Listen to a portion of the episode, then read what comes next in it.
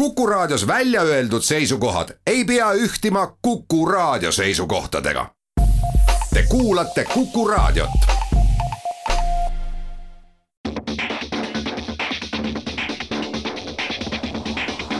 autotund. see on saade sulle, kui sul pole päris ükskõik, millise autoga sa sõidad autotundi toetab eestimaine energiaettevõte Alexela. Anname hoogu jätkusuutlikele kütustele. tere kuulajad, Autotund on eetris, täna on stuudios Tarmo Tähepõld Geeniuse uudisteportaalist ja abiks on mul Alan Vaht Alexelast, kes aitab mul ka saate esimest poolt läbi viia ja saate teises pooles keskendume siis sellele mm, viimaste nädalate kuulsale sõnapaarile fit for fifty five ehk viis, ma ei oskaks eesmärk viiskümmend viis, tere, tere ka minu poolt. eesmärk viiskümmend viis, ühesõnaga me peame oma CO2 heitmeid ja oma elu päris kõvasti muutma, aga sellest juba saate teises pooles. mis me siin esimeses pooles, alustame sellega, et mis siis nädalast meelde jäi, minul mitmeid asju, aga ma otsustasin võtta selle, mida ma nägin täna hommikul kuulutuste portaalis Auto24 oli müügile tulnud üks auto, äh, kaheukseline, äh, kahekohaline, kütust võtab kakskümmend kaks koma kaks liitrit sajale, kliimaeesmärkidega see auto ei käi kokku, aga ilmselt sellise autoga sõidetakse noh, võib-olla paar tuhat kilomeetrit aastas, ehk auto kahekümne neljas minu andmetel esimest korda müüakse Bugatit. keegi on pannud müüki Bugatti Divo ja Äh, mõnikord müüakse neid ähm, selliseid, kuidas on, ehituslotte, et auto ei ole veel valmis, aga me müüme õiguse sulle osta see aut-, ei, tegemist on valmis autoga, ta kahjuks ei asu Eestis, sellel autol on ähm, kuue, kuueteistsilindriline mootor, tuhat viissada hobujõudu, ta tippkiirus on märgitud kolmsada kaheksakümmend kilomeetrit tunnis, äh, arvutasin välja, Tallinnast Tartusse umbes kahekümne kuue minutiga, kui oleks selline sirge vaba minek, ei ole ja, ja kui on neid Bugatisid varasemalt testitud, vist oli, see käis Veyroni kohta, siis öeldi, et äh, kütus saaks paagist otsa viieteist minutiga. aga pole hullu, sellepärast et tippkiirusel rehvid peavad vastu umbes kaksteist minutit. nii et äh, see kütuse pärast tee peale ei jää, ilmselt jääd rehvidest ilma auto on ju võimas, auto on ilus, neid toodeti ainult nelikümmend, noh tegemist on tegelikult Bugatti Chironiga lihtsalt teistsuguse kerega, noh selline eriversioon.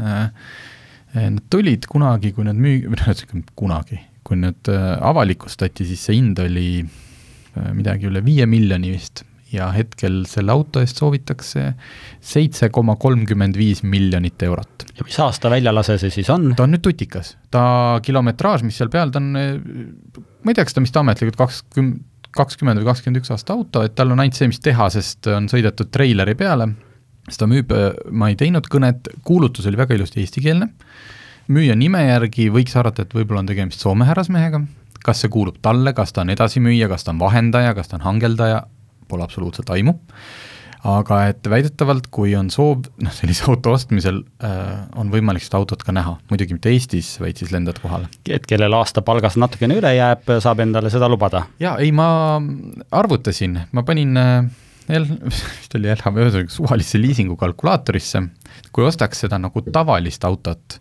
kümme prossa sisse, äh, jääkväärtuseks oli vist ka, panin sealt kümme kuni viisteist protsenti kuueks aastaks kapitalirendiga tuli kuumakseks üheksakümmend neli tuhat eurot kuus. Pole paha.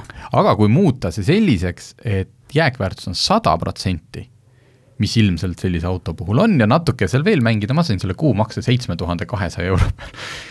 tõenäoliselt muidugi ükski pank ei anna sulle seitse miljonit laenu auto ostmiseks kuueks aastaks, aga noh, naljakas mõttemäng oli, et äh, selline auto, seitse koma kolm miljonit. vaata, huvitav on see, et äh, noh, ise kindlasti oled sina autosid müünud, mina olen autosid ja. müünud, autosid ostnud, ikka kuulub äh, ju auto ostu ja müügi nii-öelda kauplemise juurde noh, palju allateed, eks ole mm -hmm.. noh, kes müüb noh, mingisugune kümme protsenti ikka, eks ole. kusjuures seal seda ruumi võib olla, sellepärast et ähm, noh, ma ei ole kunagi ühtegi Bugatti Divot komplekteerinud, et kui palju seal siis lisavarustust või mingeid, ma ei tea, teemantist jubinaid on, sest näiteks mobile.ee-s on üks Divo pakkumisel ka kuue miljoniga nii et potentsiaalselt sul oleks seal üks koma kolm miljonit sellist rääkimisruumi, et näed, aga mobiles on ju ühe, on ju kuuekaga. Nii et äh, kes nüüd selle auto, kes siin kuulab ja meie jutu peale selle ära ostab, siis me oleme hea meelega nõus proovisõitu tegema ja aga Allan, äh, ma sinu nädala otsustasin, ma üldse siin otsustan inimeste eest kogu aeg asju ära, kuna ma nägin, et sa oled juba saanud sõita Ioniq viiega, mina saan selle auto paari päeva pärast. esmamuljed kas on nii äge, nagu ta tundus siis piltidelt ja ühesõnaga jah, piltidelt ja videodest? on teatud autosid, äh, millel äh, silm jääb pidama ja, ja mida sa jääd huviga ootama. ja minu valikus on äh, Ioniq viis olnud üks väga selge selline just nendele kriteeriumidele vastav auto, mis tundub, tundus nii-öelda juba eelnevalt väga põnev ja, ja mis seal salata, kui sõitsin järgmisel päeval peale arvele võtmist, äh, tõepoolest jättis väga sümpaatse mulje, ta on täiesti teistsugune auto, ta on ju retro mo-, nii-öelda retrostiilis, oleme harjunud, oleme harjunud, et autod on nagu ümara vormiga, eks ole, ja, ja kui mõelda, et noh, ise siin võib-olla Äh, paarkümmend aastat tagasi mõtlesime, et äh, noh, olid kandilised autod, et noh, võiks nagu olla kuidagi stiilsemad, ägema, ägedamad, ümarama vormiga autod, täna nad on olemas turul. Ja, ja tänapäeva noored, kui ma siin ka oma laste pealt kuulsin, nad ütlesid, vau, jumala äge auto, aga mis tast teeb ägeda auto? Äh, see on tegelikult tema laadimise võimekus. muidugi see, et ta seest on väga stiilne, retro, tal on väga kaasaegsed stiilsed äh, suured displeid, kaks tükki nii-öelda ühes rivis äh, rooliratta taga ja, ja siis keskkonsooli kohal, aga ta moodustab sellise ühe pika rivi, see on väga stiilne, aga kujutad ette, mis tema laadimise kiirus on, et noh, me teame, et väga palju elektriautosid on turul, mis on neljasaja voldise akusüsteemiga. Yeah see auto on kaheksasaja voldise akusüsteemiga, täna turul ainukene siiamaani oli Porsche Taycan, mis oli nelja, kaheksasaja voldise süsteemiga, aga see on ka kaheksasaja voldise süsteemiga ja see teeb tast tõelise nii-öelda noh, nii-öelda tõeliselt ägeda nii-öelda auto just laadimiskiiruse seisukohast, kujuta ette, tehniliste andmete järgi kümnelt protsendilt kaheksakümnele protsendile, aku suurus seal oli vist seitsekümmend seitse kilovatt-tundi ja see kümnelt protsendilt kaheksakümnele protsendile tehniliste andmete järgi võtab aega kaheksateist minutit,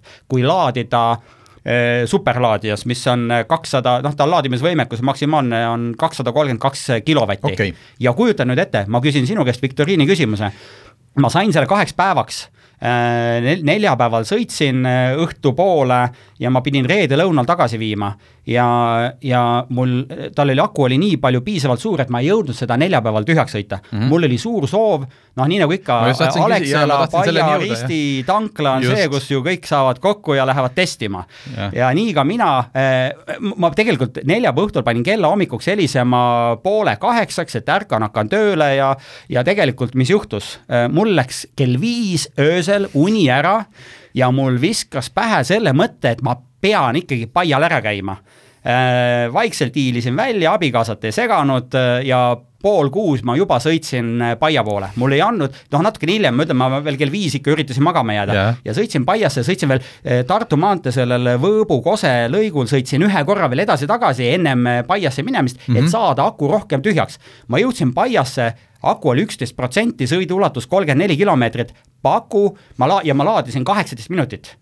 Aga, aga Paia risti laadija on sada kuuskümmend kilovatti. ja, ja nagu ma ütlesin, et kui on äh, see superlaadija kakssada viiskümmend kilovatti, siis ta laadimise võimekus on autol kakssada kolmkümmend kaks kilovatti ja ta laeb kaheksateist minutiga kaheksakümnele protsendile. paku, üksteist protsenti oli aku jääki ja, ja laadisin kaheksateist minutit äh, saja kuuekümne kilovatises laadijas, palju ma sain selleks state of charge'iks? Ma ei tea, ma pakun, et siis äh, jõudis äh, äkki seitsmekümne peale? rohkem, seitsekümmend kuus protsenti. ma käisin ära, võtsin kohvi, käisin äh, vetsus ja mm. aku oli täis. okei okay., teeme siia ühe väikse pausi, räägime natukene siis veel Hyundai'st edasi.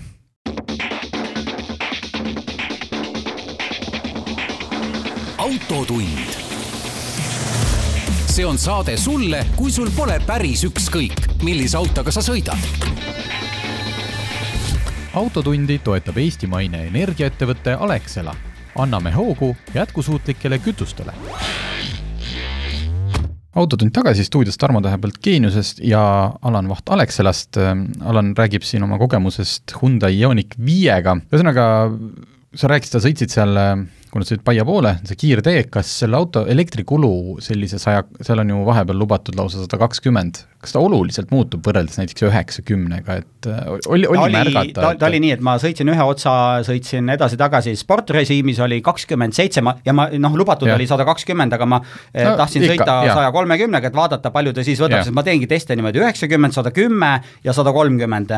ja, ja ma sain saja kolmekümne kilomeetrise tunnikiirusega siis äh, sa-, kakskümmend seitse kilovatt-tundi sajale ja, ja kui ma nüüd võtan noh, normaalse kiiruse maanteel üheksakümmend, siis ta, siis ta kulu nüüd ma peast ütlen, ta oli kusagil seal seitseteist kilovatt-tundi sajale või isegi kuusteist, et päris okay. ökonoomne, väga, väga head tulemused olid. et, et, et noh, ega Hyundai on tõestanud ennast, et oskavad teha väga säästliku masina ja, ja samas väga jõulist masina. Norras on mitmeid teste Hyundai Kona ära võitnud just sellega, et, et pannakse rivvi, testitakse, et mi-, kui kaugele sa jõuad. jah, see, see aku mahutavus neil ja, on, on et, küll. et ökonoomsuse poolest on Hyundai äh, väga ökonoomne ja võitnud erinevaid teste no vot, see oli põgus ülevaade Ioniq viiest, aga nüüd võtame siin mõned uudised äh, ühest täiesti teistsugusest autost, äh, ka mitte Bugatti Divost, Mercedes andis või avalikustas oma S-klassi soomustatud versiooni Äh, erinevaid selliseid soomustatud limusiine toodetakse ju palju, on firmad, kes võtavad sinu olemasoleva auto või müüvad, ühesõnaga, võtavad tavalise auto ja hakkavad seda soomustama. mis S-klassi eristab, on see, et seda toodab Mercedes ise, toodab oma tehases ja, ja sisuliselt see kaitse ehitatakse juba kandmikusse sisse tehases, mitte ei hakata pärast kuskile, ei võeta uksi lahti ja siis sinna soomusplaate toppima Äh, noh, Mercedesele omaselt tehti kõik väga kõrgtehnoloogiliselt, äh, kasutati ühesõnaga nende inimestele, kellel sellist autost vaja on, eks ju, et noh, see, nemad saavad aru rohkem nendest VR10 standarditest, ühesõnaga seal turvamaailmas on välja antud nüüd uued standardid, millele auto peab vastama, plahvatuskindlus, kui sa tahad saada mingit taset, äh, Mercedes oli nüüd esimene, mis läbis mingid uued standardid. Äh, kus mõõdeta näiteks, äh, pandi autosse sellist hästi kõrgtehnoloogilised mannekeenid, mitte enam lihtsalt plastiktükkidega, vaid kus on äh, nelikümmend kaks luud on sinna imiteeritud, liigesed, kõõlused, ühesõnaga äh, mitte nüüd päris nahk, aga ühesõnaga ka nahakiht oleks nagu, ja siis plahvatustestides, sest noh, üks asi on jah, et sul ei lenda need killud autosse, eks ju tuli ei tule autosse, aga see lööklaine ikkagi. ja plahvatustestides äh, läbis äh, erinevalt ülevalt, külje pealt, alt pandi seal see auto plahvatama ja ja autos põhimõtteliselt mannekeenidel ei olnud mingeid vigastusi. istud rahulikult oma seal väga mugavas istmes, seest, ühesõnaga sa saad valida kõike sedasama, mida tavalisele S-klassile, mugavaid istmeid, nahka, kõike, istud turvavöön ilusti peal, pauk käib ja eriti häda sul midagi ei ole huvitav, kas see S-klass nüüd hõlmab ka siis EQS-i, mis ju nüüd no, võt, kohe välja tuleb no.? no ongi välja tulnud, eks ju, juba avaldati hinnad ja Saksamaal ja. müügis ja Just. ja meilgi peaks olema varsti-varsti, eks ole, siin september-oktoober peaks olema EQS juba Eestis. ma lootsin, et ta jõuab natukene varem, et me saaks ta oma järgmises äh, autoleht Ekstrasse, mis on elektriautode teemaline, aga kahjuks, kahjuks ei jõua ta selleks ajaks.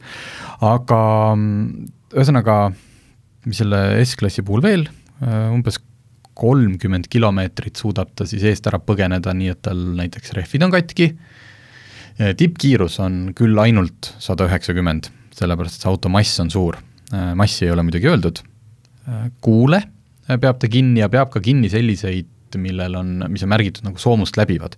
noh, loomulikult ilm-, mõeldakse siis käsirelvade sellist, no ütleme, mis võib-olla kuulivestist laseb läbi, aga sellest autost ei lase ja kui palju see nali siis maksab? ma eeldan, et odavam kui see Bugatti. odavam kui, oi jumal, selle eest saad äh,, hind algab neljasaja viiekümne seitsmest tuhandest eurost okay.. kõigest pool miljonit äh,. mootoriks on äh, jah, ei ole, ei ole seal diislit, ei ole seal elektrit, on äh, kuueliitrine V kaksteist. ja kui me võtame nüüd selle soomusrüü ja need äh, nii-öelda selle vastupidavuse just äh, nii-öelda plahvatustele maha, et ta ei ole nii kuulikindel, siis S-klass, kas see EQS elektriline peaks hakkama hind saja kolmest, saja viiest tuhandest jaa, aga meil isegi see S-klass, mis meil testis oli S viissada, ütleme noh, kõrgesti varustatud, aga mitte kuussada ega ka mitte ka Maybach oli ikkagi selline saja kaheksakümne tuhande eurone auto.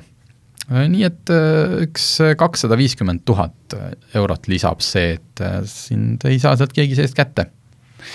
no vot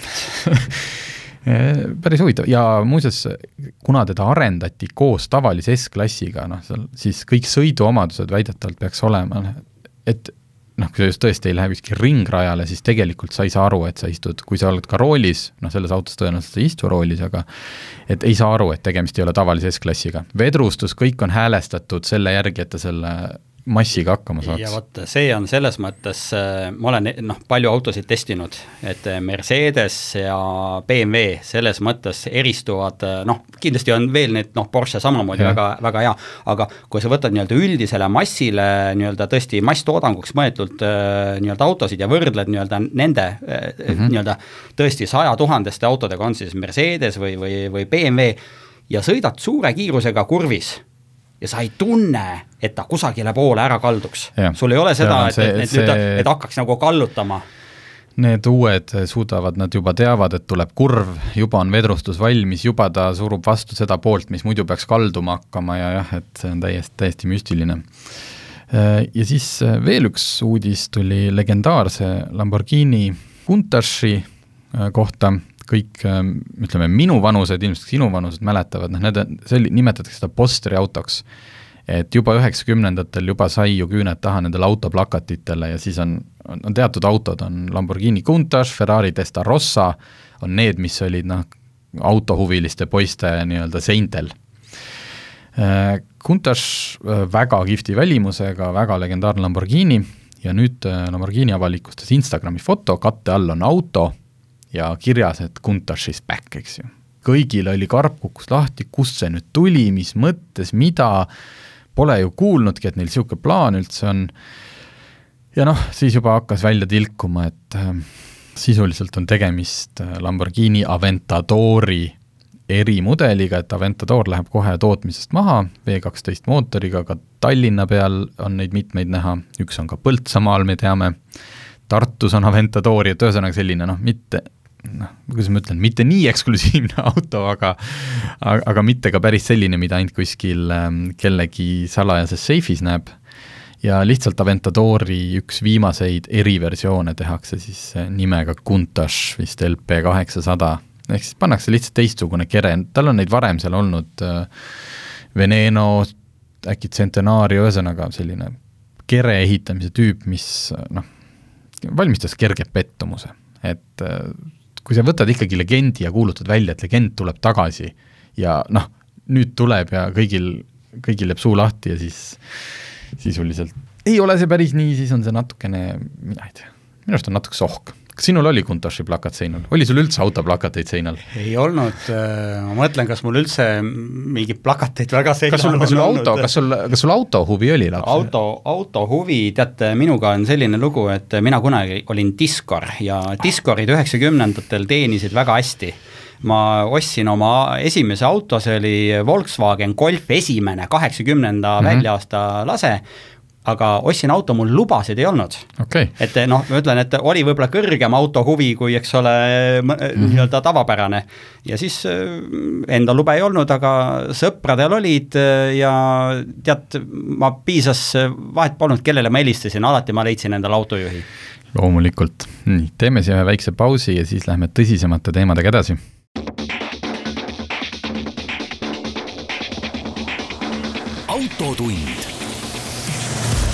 see on saade sulle, kui sul pole päris ükskõik, millise autoga sa sõidad.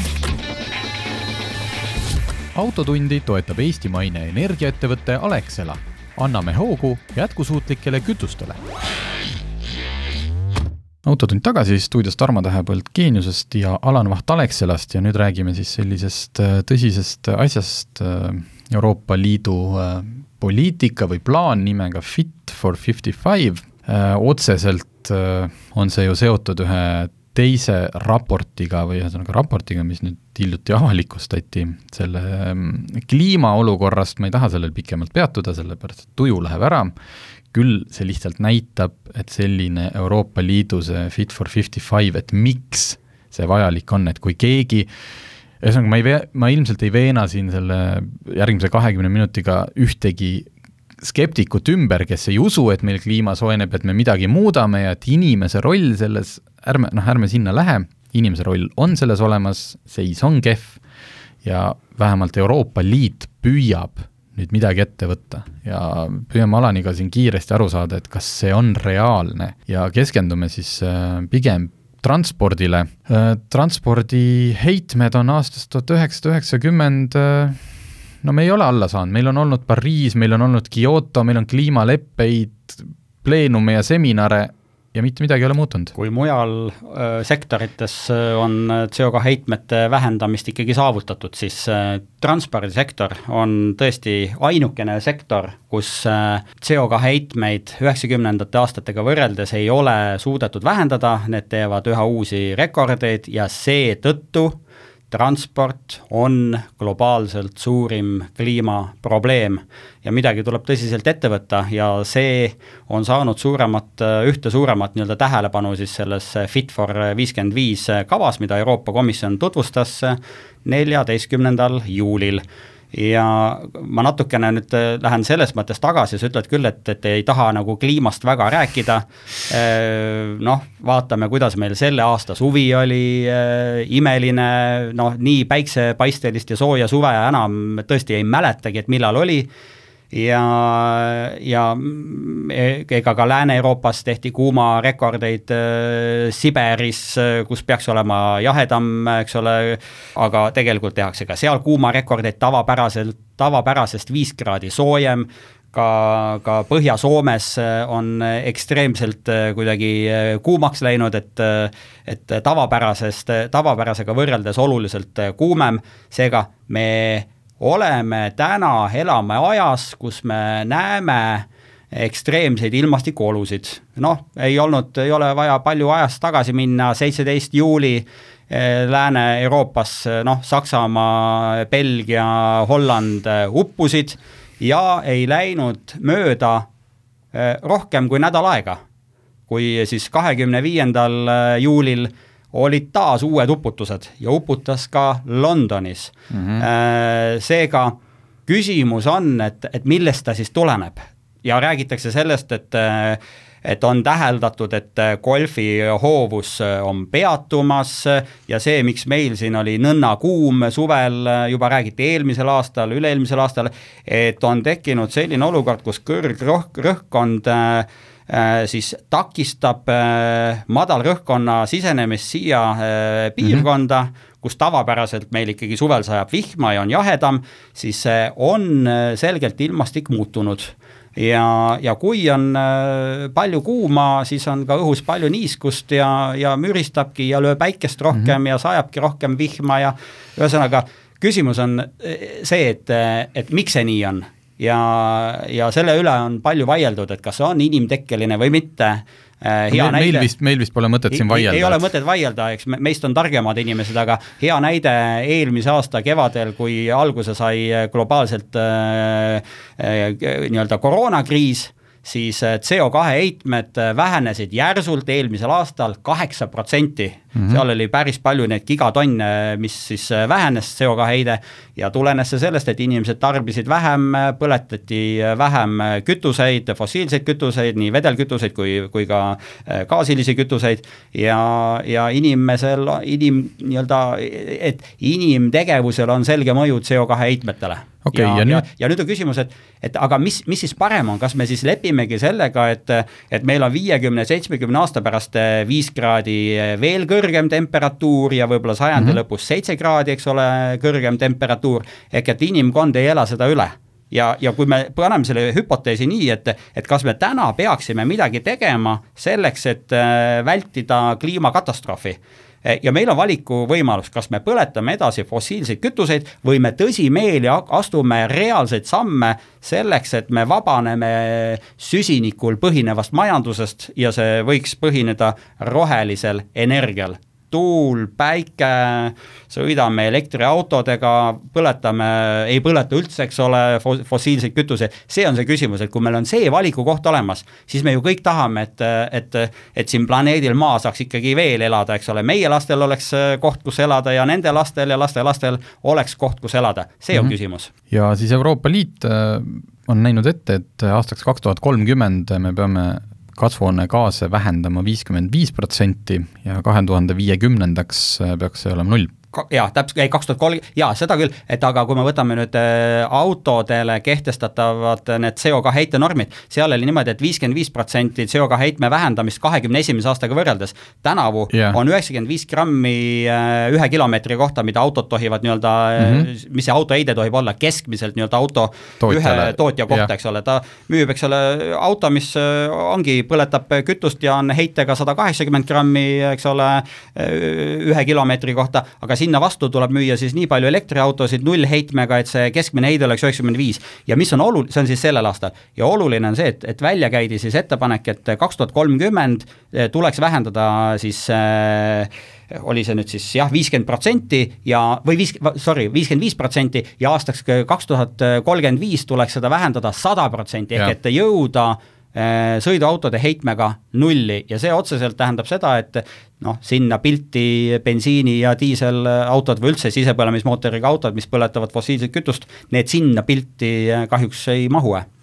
jah, äh, nüüd on, eks ju, me rääkisime sõiduautodest, nendest me oleme siin tegelikult erinevates saadetes päris palju, aga mis tekitab alati küsimusi, kui inimesed nendel teemadel vaidlema lähevad, et et ah, mis sõiduautod, aga et veokad ja see laevatransport ja kas sina seal sektoris sees olles, kuidas lahendada ära siis raskeveokite ja laevade eh, CO2 emissioonid, sest neid me ei pane, me ei pane ju laevu elektrimootorite peale, vähemalt praeguse tehnoloogiaga mitte. või paneme? me, lennundus? jaa, me ütleme, ma natukene selles mõttes parandan, et kui me mõtleme nii, et Euroopas äh, põhimõtteliselt äh, üks neljandik heitmetest tuleb transpordisektorist.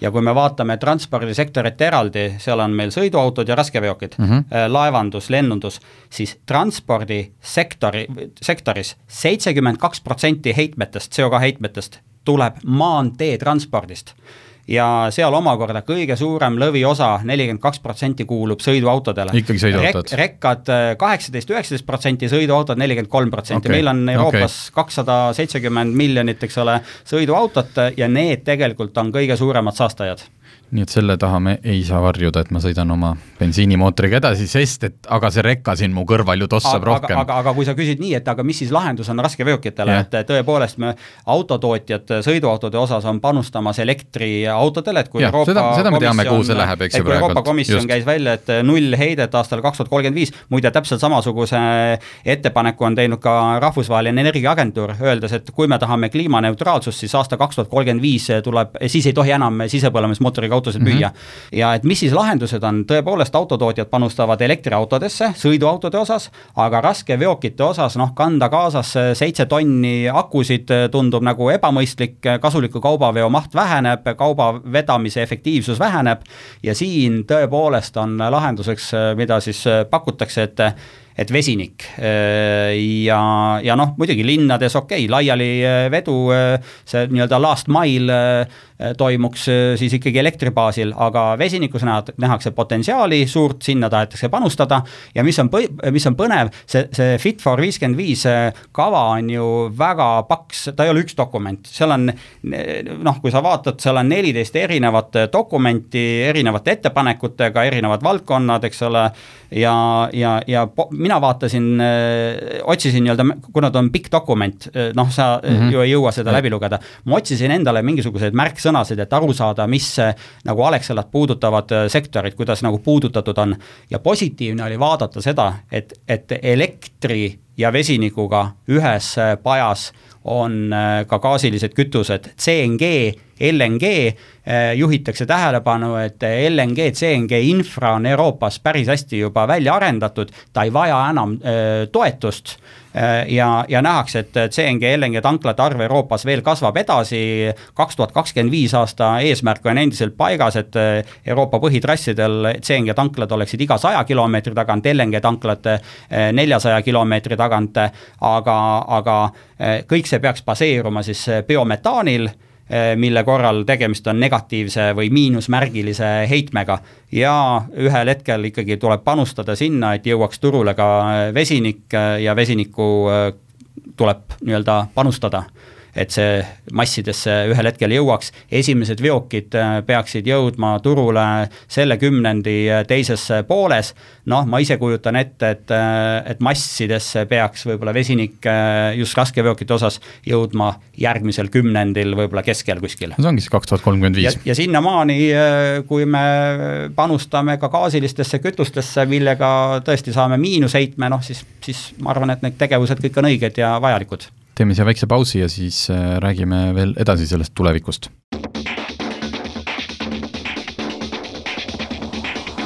autotund.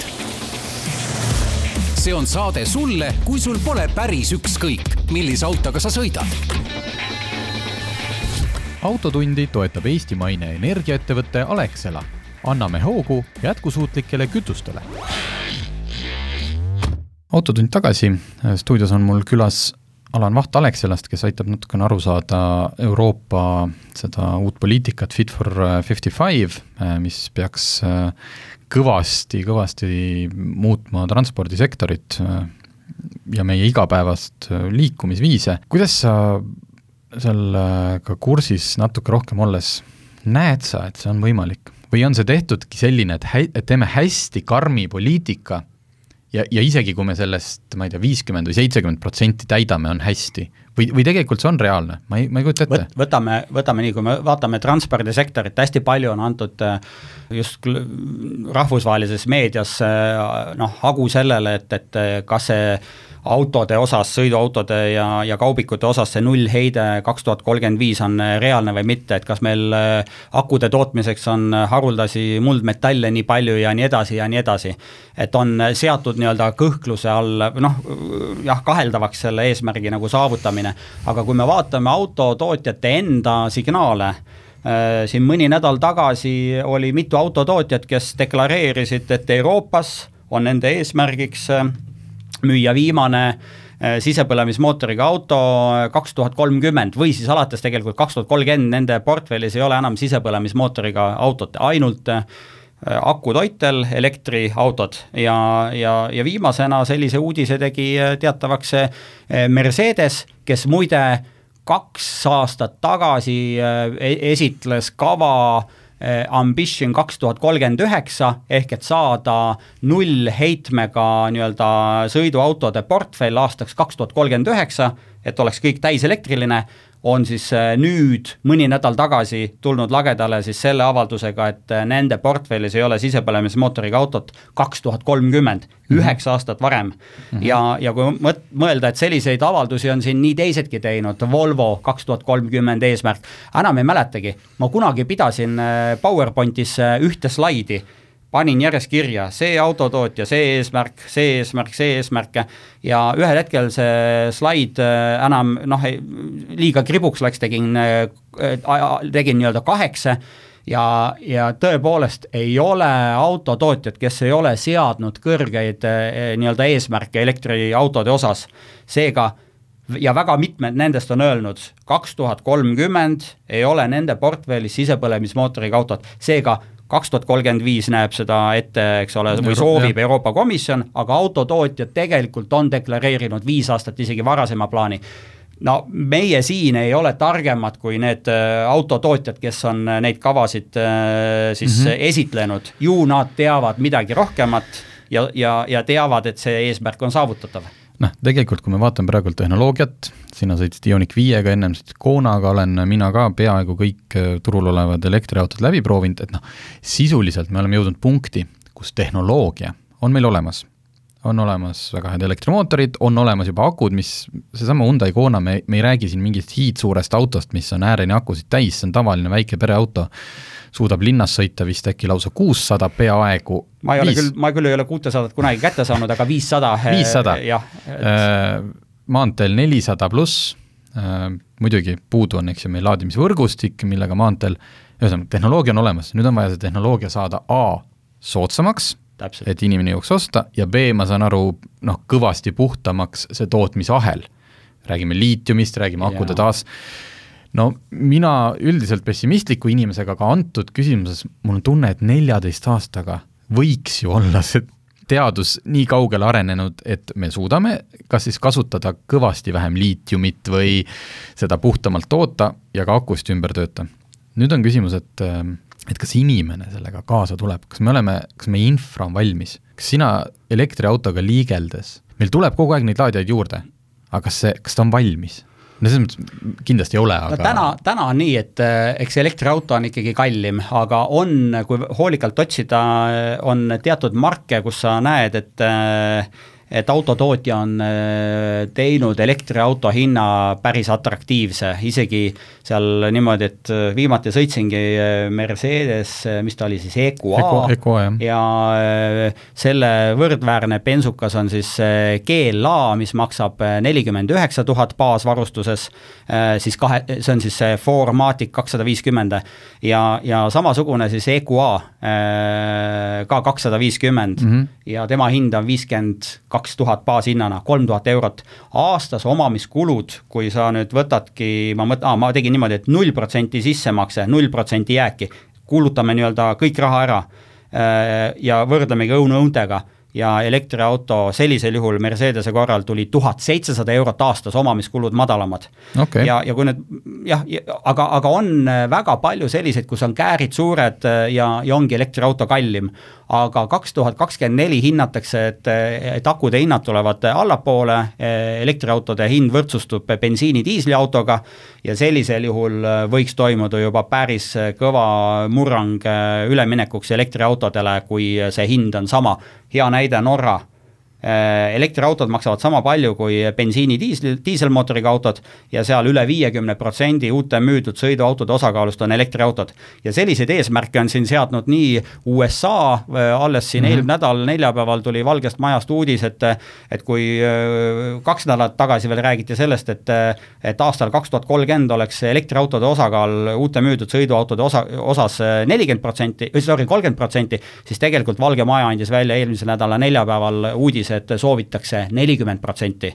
Et ma mõtlen, kuidas nüüd oli, jah, kolmkümmend oli eesmärk ja siis nelikümmend käidi välja ja täna Hiinas on ka eesmärk on kolmkümmend protsenti aastaks kaks tuhat kolmkümmend. seega kõik pingutavad, aga rääkides infrast ja sellest, et noh, enamasti laetakse kodus töökohal ja meie oleme täna öö, oma öö, laadimise teenuse täislahendusena öö, pakkumas nelja öö, elementi, mis katab kõik nii-öelda nurgad ära laadimise mm -hmm. nii-öelda seisukohast. laadimine kodus, laadimine töökohal teekonnal laadimine ja sihtkohas laadimine ja sihtkoha all äh, pean ma silmas, vahet ei ole, on see kino, on see restoran, on see hotell, kaubanduskeskus, kuhu iganes inimene läheb. ja, ja, ja heaks näiteks teekonnal on see, noh, me oleme palju mõelnud, et Äh, et laadijad ju maksavad palju mm, -hmm. aga minu enda hea kogemus, äh, viimane selline õppe, noh, ütleme jah, kogemus, mitte õppetund. eelmise nädala lõpus, äh, reedel sõitsin Valgeranda, laupäeval tulin tagasi ja samal päeval ma pidin sõitma uuesti Pärnusse grillfestile lõunal ja ma ei jõudnud kodus akut täis laadida ja pidin majast võtma teise auto, kulutama bensiini. aga oleks teekonnal nüüd superlaadijaid noh, siis ma oleksin äh, selle teise otsa sinna Pärnusse tagasi sõitnud ikkagi elektriautoga, aga meil täna see infra on äh, natukene nõnna mhm. selline lahjakene, et siin tuleb pingutada okei okay., kui Euroopa Liit kogub siin ju, hakkab minu arust veel rohkem koguma ka saastamise eest äh, tasusid, mingid uued sektorid minu arust lähevad ka CO2 kulude alla, siis äh, kas, kas siis lahendus on selles, et äh, kõigepealt see raha tuleb suunata ikkagi otseselt, ma ei tea, kui me räägime transpordisektorist, elektriautode ostutoetuseks, mis ma tean, majandusspetsialistide arust on turumoonutus ja kõik see, aga muidu me ju ei saa seda elektriauto hinda piisavalt kiiresti äkki nagu konkurentsivõimeliseks jah, turumoonutus äh, selgelt, äh, ma oleksin rohkem happy äh, nende toetuste üle siis, kui Eestis endas oleks autotööstus, et me ise toodaksime okay,, eks ole, autosid ja see raha jääks Eestisse. täna ju, mis seal salata, see raha läheb Eestist välja, et selles mõttes jah, natukene kurb, aga kui riik soovib toetada ja soodustada, eks ole, üleminekut elektriautodele, noh, siis täna ikkagi elektriauto hind äh, on takistuseks, äh, nii nagu ma ennem ütlesin, on väga paljud autod, mis on ikkagi kallimad ja, ja inimesed äh, ei soovi elektriautot osta just selle kalli hinna tõttu noh, välja arvatud siis, kui kilometraaž on selline korralik, et ja. kui sa ikkagi sõidad viiskümmend tuhat kilomeetrit aastas, siis muutub äh, elektriauto omamine võrdseks bensudiisli autoga mm. -hmm. et, et, äh, et selgelt riigil on eesmärk, soovib äh, sinna panustada, rohkem elektriautosid turule tuua ja ega, ega Alexela ka ju elektrilaadijatesse ju ei panustaks, kui elektriautosid turul ei ole. seega noh, meie, meie nii-öelda see moto on see, me oleme öelnud, et me oleme kui, kui energiakaubamaja mm -hmm. ja, ja, ja tegelikult vahet ei ole, bensiin, diisel või gaasilised kütused või on see siis elekter, täpselt samamoodi transpordikütus või kas või tulevikus vesinik. me oleme ka vesinikutankla valmis rajama äh, aga kui me neid laadijaid paigaldame, siis me ju eeldame, et ootame, et klient tuleks laadima, aga kui autosid ei ole, siis on ju ka kurb. selles mõttes jah, kui riik sinna panustab, tahab toetada, siis ega me kätt ette ei pane, aga kurb on see, et see raha läheb Eestist välja mm -hmm.. vot, no meie põgus aeg sai otsa, see muidugi Euroopa Komisjoni plaan on lihtsalt nii suur, et ega seda siin neljakümne minutiga ära ei lahkagi. kolm tuhat seitsesada lehekülge, eks ole? kolm tuhat seitsesada lehekülge, nii et soovitan lugeda, aga kohtume juba järgmine nädal. aitäh!